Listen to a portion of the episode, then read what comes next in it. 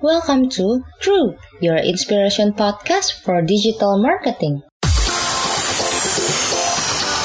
Pertanyaannya itu loh tentang gimana caranya supaya kita nggak kehabisan inspirasi dan juga motivasi. Konten yang konsisten menurut gue nggak cuma sekedar frekuensi dan waktu untuk posting atau dipublikasikan aja.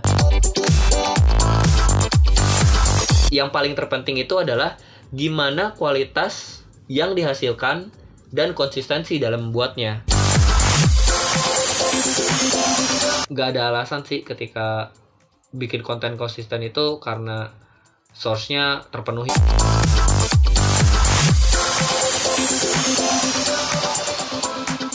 Podcast Crew episode 24 Back to me again, Fadlan as your host Buat kalian yang baru main ke sini pertama kali Selamat datang di podcast yang ngebahas tentang digital marketing, bisnis, dan hal-hal terkait di dalamnya Oke, mau disclaimer dulu Jadi podcast ini diambil di Senin malam eh, Saat ya jam-jam waktu pulang kerja gitu Di apartemen gue Jadi kalau misalkan nanti ada suara motor atau suara klakson, mohon dimaklumi saja dan semoga tidak mengganggu esensi dari uh, podcast ini. Gitu.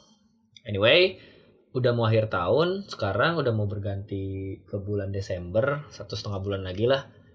Kira-kira teman-teman resolusinya udah tercapai belum?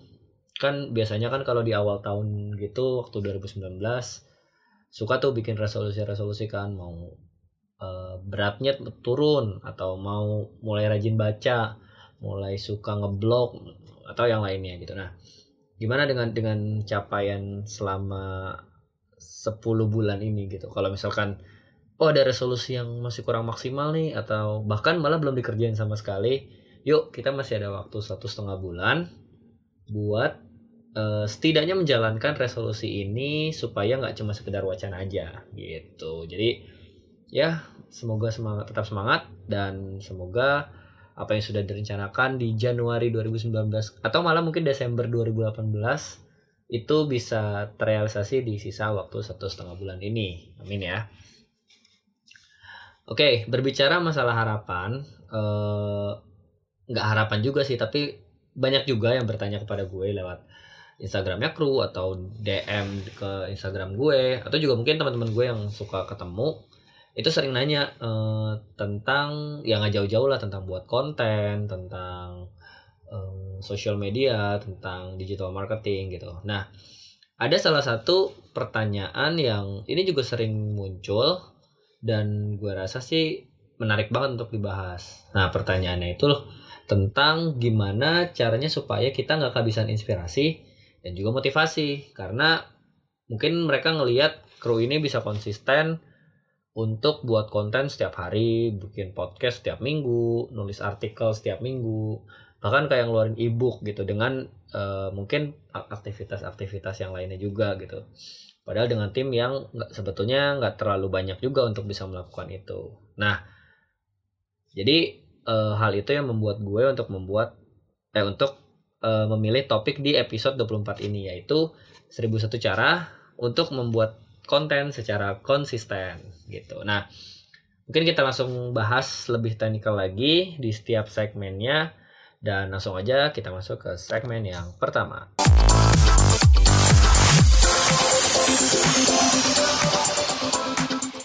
Oke, kita masuk ke segmen yang pertama. Di segmen pertama kita ngebahas dulu deh tentang konsistensi itu sendiri dan definisi dari konten yang konsisten itu seperti apa. Nah ini tadi gue udah buka KBBI eh, untuk ngasih tahu konsisten itu apa sih secara definisinya. Jadi konsisten itu adalah kemampuan untuk terus-menerus berusaha sampai suatu pencapaian berhasil diraih. Tidak ada satu hal di dunia ini yang bisa menggantikan konsistensi itu. Jadi konsisten itu artinya terus-menerus berusaha sampai pencapaian itu berhasil diraih. Jadi kalau misalkan berhenti di tengah jalan, ya itu artinya bukan konsisten gitu. Karena kan nggak cuma sekedar terus menerus berusaha, tapi usahanya itu ya bener sampai kita dapetin hasilnya gitu. Jadi Uh, dan tadi poinnya menarik so tidak ada satu hal di dunia ini yang bisa menggantikan konsistensi karena in my opinion konsistensi itu bukan kebakat sih tapi lebih kayak semua orang tuh bisa untuk konsisten gitu mungkin semua orang nggak bisa untuk uh, memiliki bakat yang sama memiliki potensi yang sama. Tapi gue rasa konsisten itu sama kayak sifat jujur uh, disiplin itu sifat yang bisa dilatih dan semua orang harusnya bisa melakukannya gitu. Jadi no reason lah kalau orang ada orang yang bilang kayak ya gue tuh susah, susah banget sih konsisten. Menurut gue sih bukan susah tapi kayak ya belum punya kemauan yang kuat atau mungkin nggak tahu caranya aja supaya bisa uh, membuat sebuah tindakan yang konsisten dengan lebih mudah gitu jadi itu ya tentang konsisten berarti kalau seperti itu konten yang konsisten itu adalah konten yang dibuat secara terus menerus sampai tujuan dari pembuatan konten ini berhasil untuk diraih gitu. Jadi kan konten itu kan banyak ya tujuannya. Misalkan ada yang untuk exposure, ada yang untuk engagement, ada yang untuk bikin virality gitu, ada yang untuk personal branding dan lain sebagainya. Nah, sampai uh, konten ini berhasil mencapai tujuannya, ya kita harus tetap bisa konsisten uh, untuk melakukan uh, pembuatan konten atau uh, mengoptimalisasi konten tersebut gitu. Jadi itu definisi konten yang konsisten. Makanya tadi menjawab pertanyaan kan, uh, kok bisa sih kru uh, bikin konten setiap hari, uh, dan bikin podcast setiap minggu dan lain sebagainya ya? Karena uh, kita berangkat daripada konsistensi dan kita yakin mungkin konten kita bukan yang terbaik gitu, tapi uh, kita percaya bahwa konsistensi itu ya bisa dimiliki oleh semua orang. Tapi nggak semua orang mau melakukannya gitu. Jadi itu ya definisi konten yang konsisten. Nah konsisten ini sendiri melebar lagi nih karena banyak e, tolak ukur dari konsistensi yang dimaksud. Misalnya gini konten yang konsisten konsisten dari segi apa nih? Apakah dari segi e, jam posting dari segi banyaknya konten yang dipost tiap hari gitu. Tapi gue rasa sih lebih dari itu. Konten yang konsisten menurut gue nggak cuma sekedar frekuensi dan waktu untuk posting atau dipublikasikan aja, tapi juga dari segi kualitas, dari segi persiapan, dari segi optimalisasi semuanya tuh harus dilakukan secara konsisten gitu. Kenapa? Karena ya nggak bisa dong misalkan ada satu konten yang uh, di treatment itu dengan persiapan satu minggu gitu. Terus konten yang sama tapi berbeda bentuk itu dipersiapkan dalam waktu misalkan cuma tiga hari.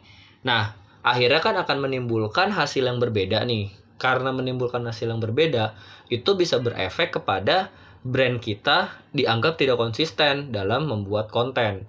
Nah, jadi jangan sampai konten ini akhirnya malah menjadi bumerang karena perencanaan kualitas yang tidak konsisten akhirnya berbalik arah menjadi sesuatu yang menyebabkan Eh, hal-hal buruk lah atau kita dinilai buruk oleh uh, audiens kita sendiri begitu. Jadi gitu ya tentang konten yang konsisten. Terus kenapa sih membuat konten ini uh, penting gitu secara konsisten?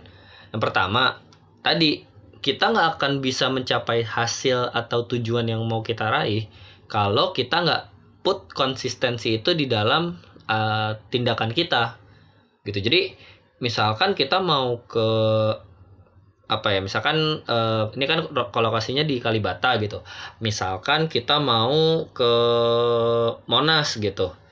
Terus untuk mencapai ke sana kita membutuhkan waktu satu jam dengan kecepatan mobil 30 km per jam misalkan kayak gitu ya. Uh, ini matematikanya nggak salah aja gitu. Nah artinya kan kita harus konsisten tuh uh, bisa di angka 30 km per jam. Jangan uh, tahu-tahu 20 tahu-tahu 10 gitu. Karena kalau misalkan seperti itu nanti kita nggak akan tahu nih exactly tujuan yang kita akan raih itu kapan gitu.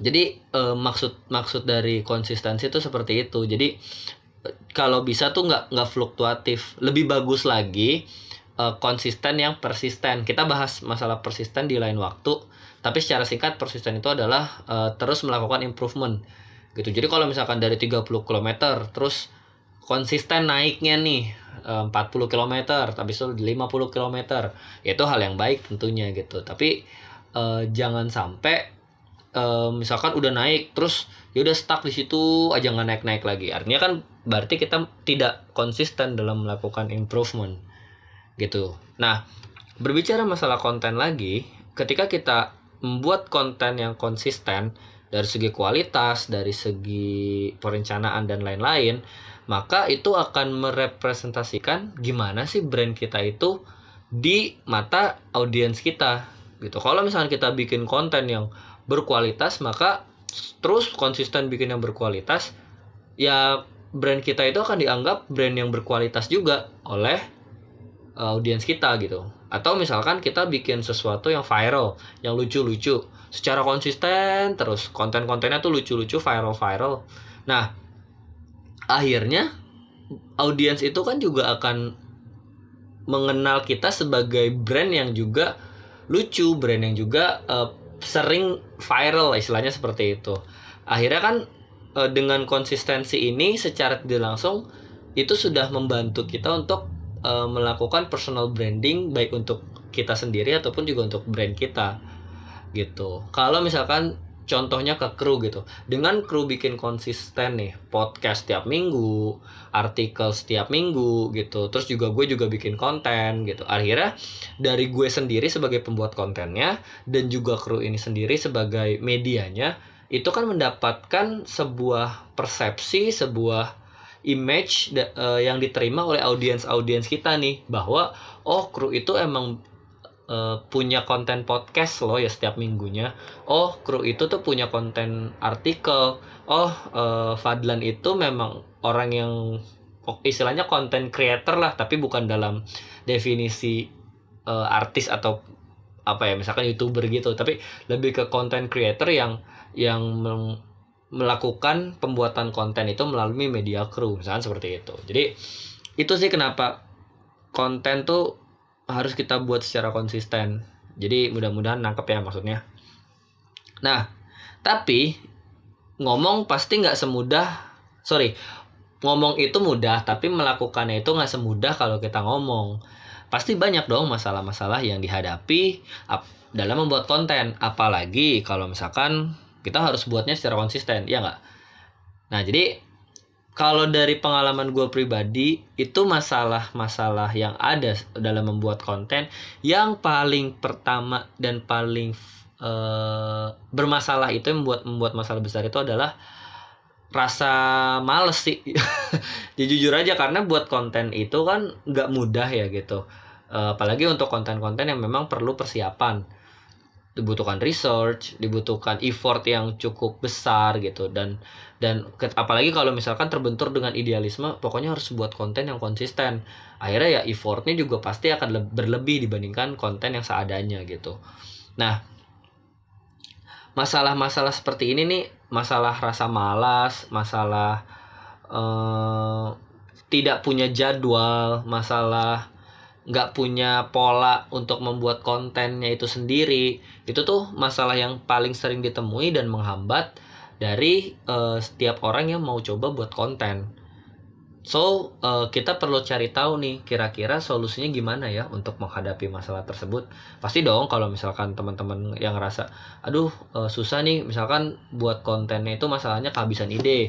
Pasti pengen tahu dong gimana sih cara supaya dapat ide terus atau misalkan uh, aduh selalu nggak ada waktu nih. Kadang bisa gabut seharian tapi sometimes nggak ada waktu sama sekali. Terus gimana ya bisa bikin konten setiap hari? Nah itu berarti kan ada solusinya nih. Uh, gimana cara supaya dengan waktu yang dimiliki yang berbeda-beda tadi tetap bisa membuat konten yang secara konsisten. Nah masalah-masalah lain juga pasti punya nih solusinya masing-masing. Tapi yang jelas supaya untuk tahu masalah itu solusinya apa kita akan bahas di segmen selanjutnya. So, jangan ke mana-mana. Stay tune and let's go to second segmen atau segmen kedua.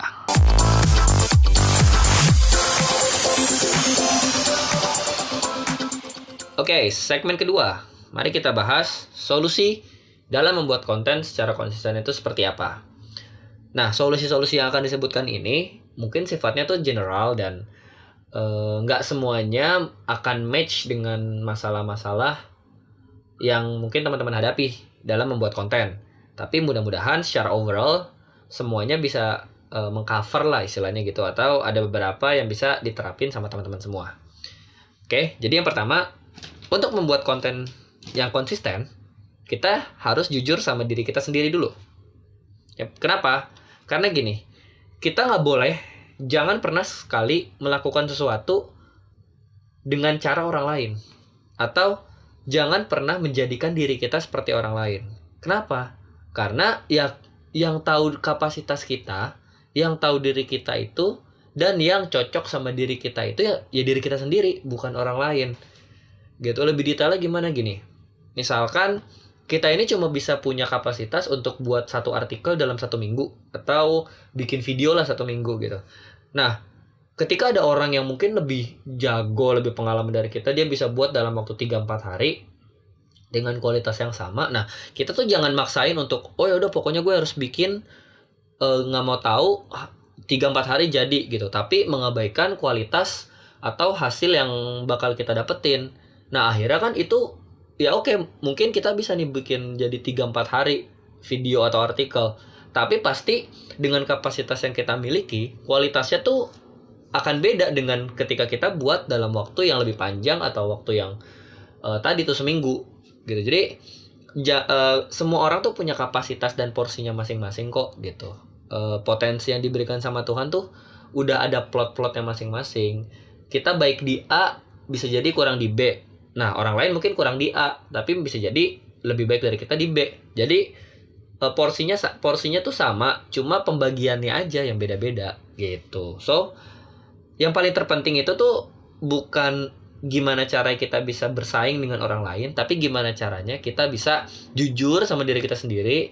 Baru dari situ kita bisa improve, kita bisa menjadi lebih baik mengalahkan diri kita sendiri ya, bukan mengalahkan orang lain gitu. So, gue ulang, yang paling terpenting itu adalah gimana kualitas yang dihasilkan dan konsistensi dalam membuatnya. Gitu. Nah, jadi ketika kita fokus pada kualitasnya, ketika kita fokus pada perbaikan di diri sendiri, baru dari situ kita mulai tingkatin uh, supaya kita bisa lebih baik, jadikan orang lain sebagai referensi, tapi bukan untuk dijadikan uh, tok-tok gitu, textbook seperti dia gitu. Karena ya kita bukan dia dan dia bukan kita. Gitu ya. Itu yang pertama. Yang kedua, sediakan waktu khusus. Nah, ini juga gue lakukan dan gue terapkan. Ketika nih, gue gue gue udah sadar bahwa konten itu penting untuk bisnis, apalagi uh, di era digital saat ini di mana semakin sulit untuk mengapproach audience ketika kita cuma mau jualan doang. Konten itu kan jadi salah satu alternatif supaya kita bisa mendekati audiens, berkomunikasi dengan target market, tetapi dengan cara yang soft atau cara yang dinikmati oleh mereka. Jadi sudah seharusnya kita tuh ngeluangin waktu untuk ngerjain konten ini. Jangan cuma fokus pada penjualan aja, jangan cuma fokus pada operasional aja gitu. Jadi coba deh kalau gue ngelakuinnya itu gue punya waktu dan gue catet di kalender gue yang terbebas atau steril dari segala hal yang dapat menghambat gue dalam membuat konten atau melakukan proses-proses terkait konten. Gitu. Jadi e, ketika kita bisa menyit apa ya menyediakan waktu artinya kan kita put appreciate gitu. Kita mengapresiasi dalam pembuatan konten. Akhirnya konten yang dihasilkan pun jadinya maksimal dibandingkan dengan kita bikin konten tapi sambil bales chat, sambil lihat uh, YouTube atau ya hal-hal lainnya lah yang bisa menghambat gitu. Nah selanjutnya uh, supaya penyediaan waktu ini bisa berjalan dengan efektif, supaya waktu yang sudah kita uh, sediakan ini bisa maksimal lah hasilnya, identifikasi dulu sebelumnya konten yang mau kita buat ini seperti apa Baru abis itu kita kerjakan dan kita lakukan sesuai dengan jadwal yang sudah kita buat. Sekali lagi balik ke poin pertama. Pembuatan jadwal ini durasinya itu balik ke diri kita masing-masing. Jangan menyamakan diri kita dengan orang lain, tapi tahu kapasitas diri kita seberapa, kita sediakan waktu sesuai dengan kapasitas kita. Begitu ya. Nah, selanjutnya yang ketiga, uh, ini tips supaya bisa menghasilkan konten yang nggak habis-habis lah istilahnya gitu atau salah satu yang membuat uh, konten kita ini sulit untuk dikerjakan secara konsisten biasanya karena kehabisan ide. Nah, poin ketiga ini adalah selalu berangkat dari ide-ide konten yang besar atau general. Gitu. Jadi jangan langsung spesifik nih kalau kita misalkan mau buat konten, tapi mulailah dari yang general. Kenapa? Karena gini, satu konten itu ada yang namanya spreading teknik. Jadi dari satu konten yang general, kita tuh bisa membreakdown lagi konten-konten konten eh, konten-konten yang lebih spesifik.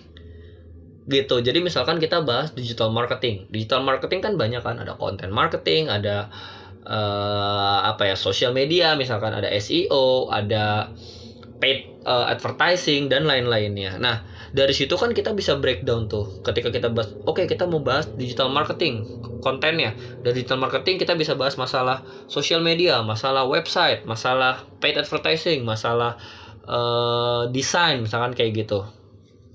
Nah jadi ketika kita buat seperti itu, akhirnya kan kita bisa memplot konten-konten ini untuk jad, untuk kita jadwalkan dalam kalender kita. Jadi kita bisa buat dengan lebih cepat dan juga lebih efisien. Gitu. Udah kita buat konten kita di di konten marketing itu kan juga banyak kan ada artikel, ada blog, ada video gitu. Dibuat lagi deh tuh sub konten-kontennya. Sampai akhirnya tuh dikembangkan menjadi sebuah output uh, konten yang sudah jadi dalam bentuk artikel, dalam bentuk video, dalam bentuk uh, post Instagram dan sebagainya. Nah, nah tapi harus diperhatikan juga bahwa spreading teknik ini atau uh, membreakdown konten yang general ini harus balik lagi ke konsisten dalam menjaga kualitasnya gitu jadi kualitasnya dan kuantitas dari sebuah konten itu juga harus tetap terjaga Uh, tapi bisa dilakukan lah nih eh, konten-konten yang general ini untuk di breakdown menjadi konten yang lebih spesifik. Itu tipsnya ya. Nah, kemudian yang selanjutnya itu adalah kita buat konten kalender. Ini hampir sama dengan tips yang kedua tadi mengenai masalah penyediaan waktu khusus untuk membuat konten. Nah, kalau konten uh, kalender ini itu tuh kayak menjadwalkan kapan konten-konten ini akan dibuat dipublikasikan dan juga dioptimalisasi gitu dan pastikan setiap konten-konten ini mempunyai integrasi dan alur yang jelas. Contohnya, misalkan kita mau bahas Jakarta gitu. Habis itu di spreading lagi deh. Habis kita bahas Jakarta, kita bahas deh tuh setiap kota medianya Jakarta Selatan, Pusat, Barat dan lain-lain. Setelah itu di Jakarta Selatan ada apa? Kita bahas lagi misalkan uh, ada Setu Babakan di Jakarta. Kita bicara Betawi uh, budaya Betawi misalkan. Atau misalkan kita bahas masalah pariwisata. Di Jakarta Timur ada Taman Mini di Jakarta Pusat kita bahas Monas kayak gitu. Jadi uh, dari satu konten Jakarta itu kita bisa spreading lagi kan banyak dan kita kita pastikan konten-konten yang kita spread tadi itu terjadwal dengan alur yang jelas. Jadi orang tuh bacanya enak dari dia mengenal Jakarta sampai akhirnya mengenal secara spesifik seperti itu. Jadi selanjutnya juga pastikan jarak antara satu konten dengan konten lain tuh berada dalam kondisi ideal. Maksudnya tidak terlalu cepat keluarnya tapi juga tidak terlalu lama. Jadi audiens itu punya waktu cukup untuk membaca tapi juga nggak kelamaan untuk nunggu gitu ya. Jadi uh, kita juga sebagai kreator jadi punya spare waktu yang jelas dan nggak membebani kita lah kontennya. Karena kalau udah mau membebani biasanya jadi malas untuk buat konten. Nah akhirnya kalau udah malas ya nggak konsisten deh buat kontennya. Seperti itu. Yang terakhir tips yang terakhir itu adalah minta bantuan. Nah ini jelas lah ya. Jadi ketika kita merasa kesulitan nih udah melakukan empat hal tadi tuh terus masih sulit ya udah nggak usah takut nggak usah panik ya tinggal minta bantuan aja ke pihak ketiga yang punya kapasitas. Jadi misalkan contohnya, aduh susah banget sih bikin konten yang berkualitas, uh, tapi bisa konsisten gitu. Uh, kesulitannya di mana? Di identifikasi nih. Oh ternyata uh, yang paling lama itu ke, karena gue nggak terlalu bisa desain. Oh ya udah kalau gitu hire aja atau uh, minta tolong orang yang punya kemampuan desain. Jadi kita bikin konten secara terjadwal terus kita kasih ke dia deh. Nih tolong dong didesainin supaya lebih cepat. Akhirnya kan konten yang dihasilkan tetap eh, berkualitas tapi bisa konsisten. Karena tadi kita udah identifikasi masalahnya terus kita nggak segan untuk minta bantuan kepada yang lebih ahli gitu. Jadi yang terpenting itu adalah gimana konten kita ini bisa terrealisasi dan diterima oleh audiens kita bukan gimana kita bisa berkontribusi dalam konten ini. Karena yang dilihat kan kontennya bukan siapa yang membuatnya gitu. Jadi uh, gue summary lagi beberapa tipsnya tadi yang pertama adalah jujur sama diri sendiri yang kedua adalah sediakan waktu khusus Kemudian yang ketiga, selalu berangkat dari konten-konten yang besar atau konten-konten yang sifatnya general. Yang keempat, buat konten kalender untuk penjadwalan uh, konten. Dan yang terakhir adalah minta bantuan kepada pihak ketiga. Seperti itu. Mudah-mudahan tips ini bisa memberikan apa ya, insight, inspirasi dan bisa diterapkan oleh teman-teman semua. Nah, selanjutnya di segmen ketiga kita akan ngebahas beberapa pertanyaan yang udah masuk yang udah sering ditanyakan juga dan mudah-mudahan ini berkaitan dan bisa menjawab uh, apa ya uh, terkait dengan topik-topik ini gitu. Jadi langsung aja kita masuk ke segmen yang ketiga.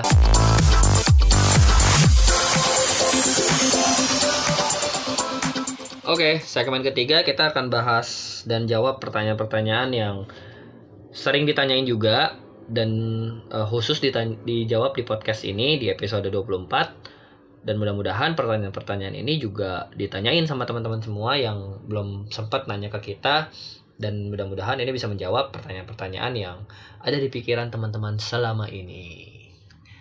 Oke, masuk pertanyaan pertama. Kalau kehabisan ide, apa yang harus dilakukan?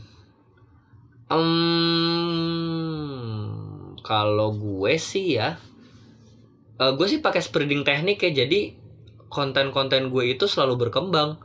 Maksudnya gini uh, gue bikin satu satu ebook nih misalkan gitu. Dari ebook itu gue pecah jadi beberapa artikel.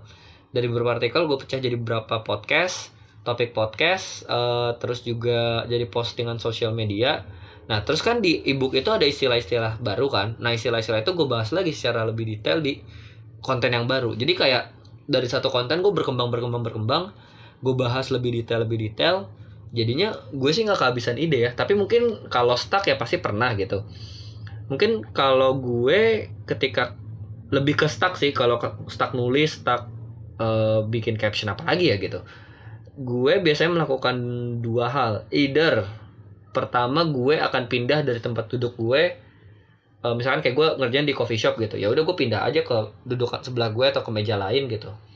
Supaya uh, bisa dapetin uh, point of view baru. Karena biasanya kalau gue duduk di tempat yang baru sudut pandang gue gue akan ngeliat hal-hal baru dan itu bisa jadi inspirasi gue untuk gue tuangin dalam konten yang gue buat.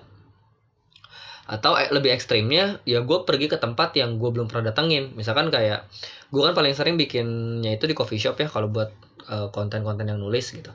Jadi biasanya gue ke coffee shop A ya gue pindah ke coba coffee shop yang gue belum pernah datengin. Gitu. Gue gue cari di sebuah aplikasi oh ini ada bagus nih dekat juga gitu. Mungkin view-nya oke okay, ya gue ke sana gitu. Karena kan dapat pengalaman baru ya.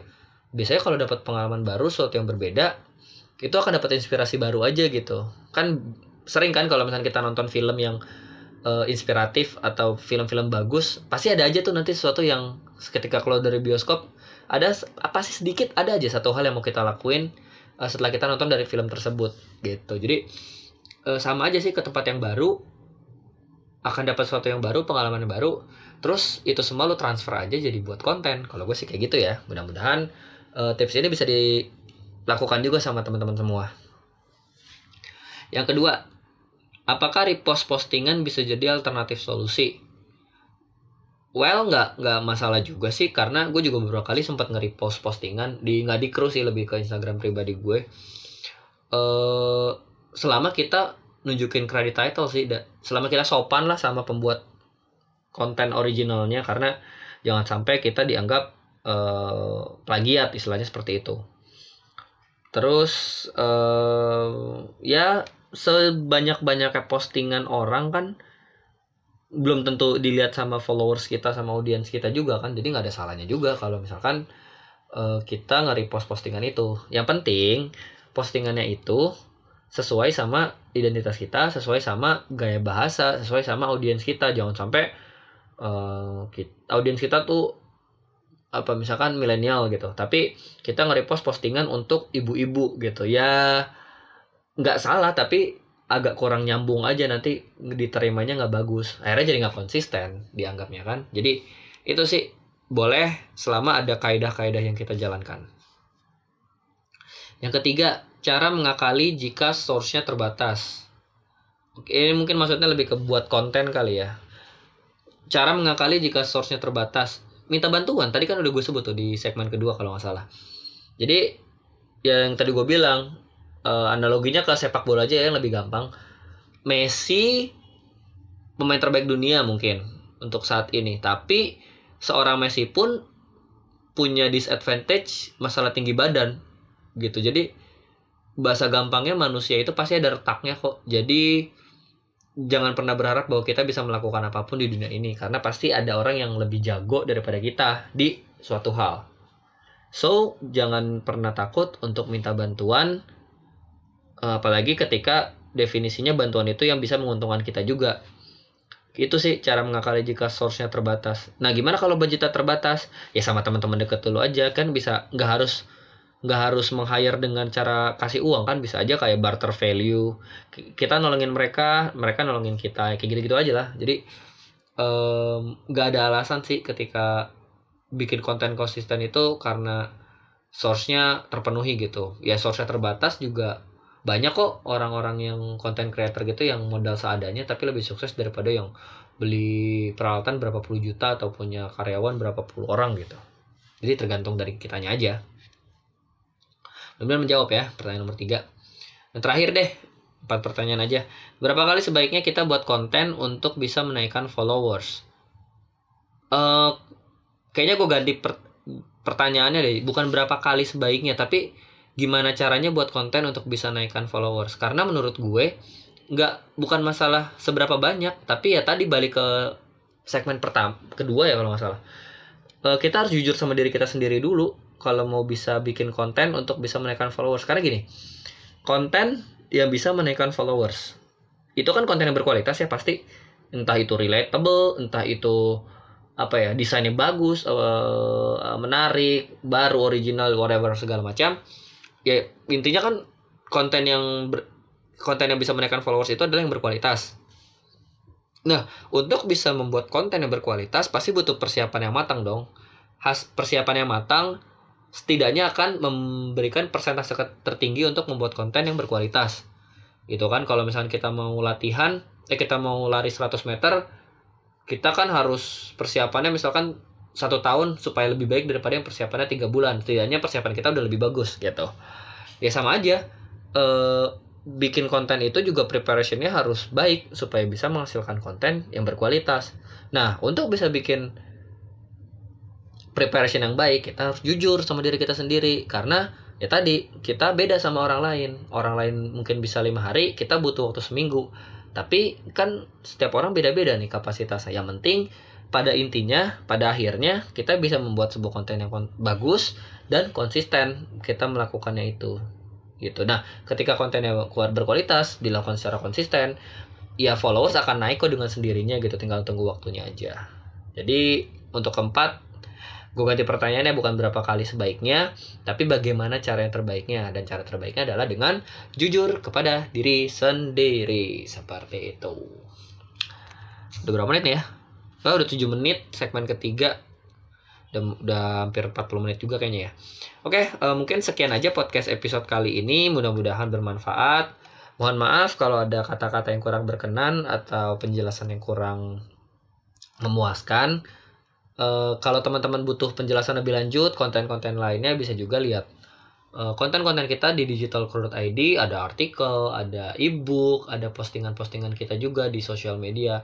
Bisa dilihat dan semoga itu bisa memberikan inspirasi. Nah, buat kalian yang mau bertanya dan berinteraksi, boleh banget melalui Instagram atau website kita. Di mana? Di digitalcrew.id. Nanti linknya gue taruh di description. Atau bisa melalui mail khusus kita kalau mau nanya-nanya seperti biasa di info digitalcrew.id.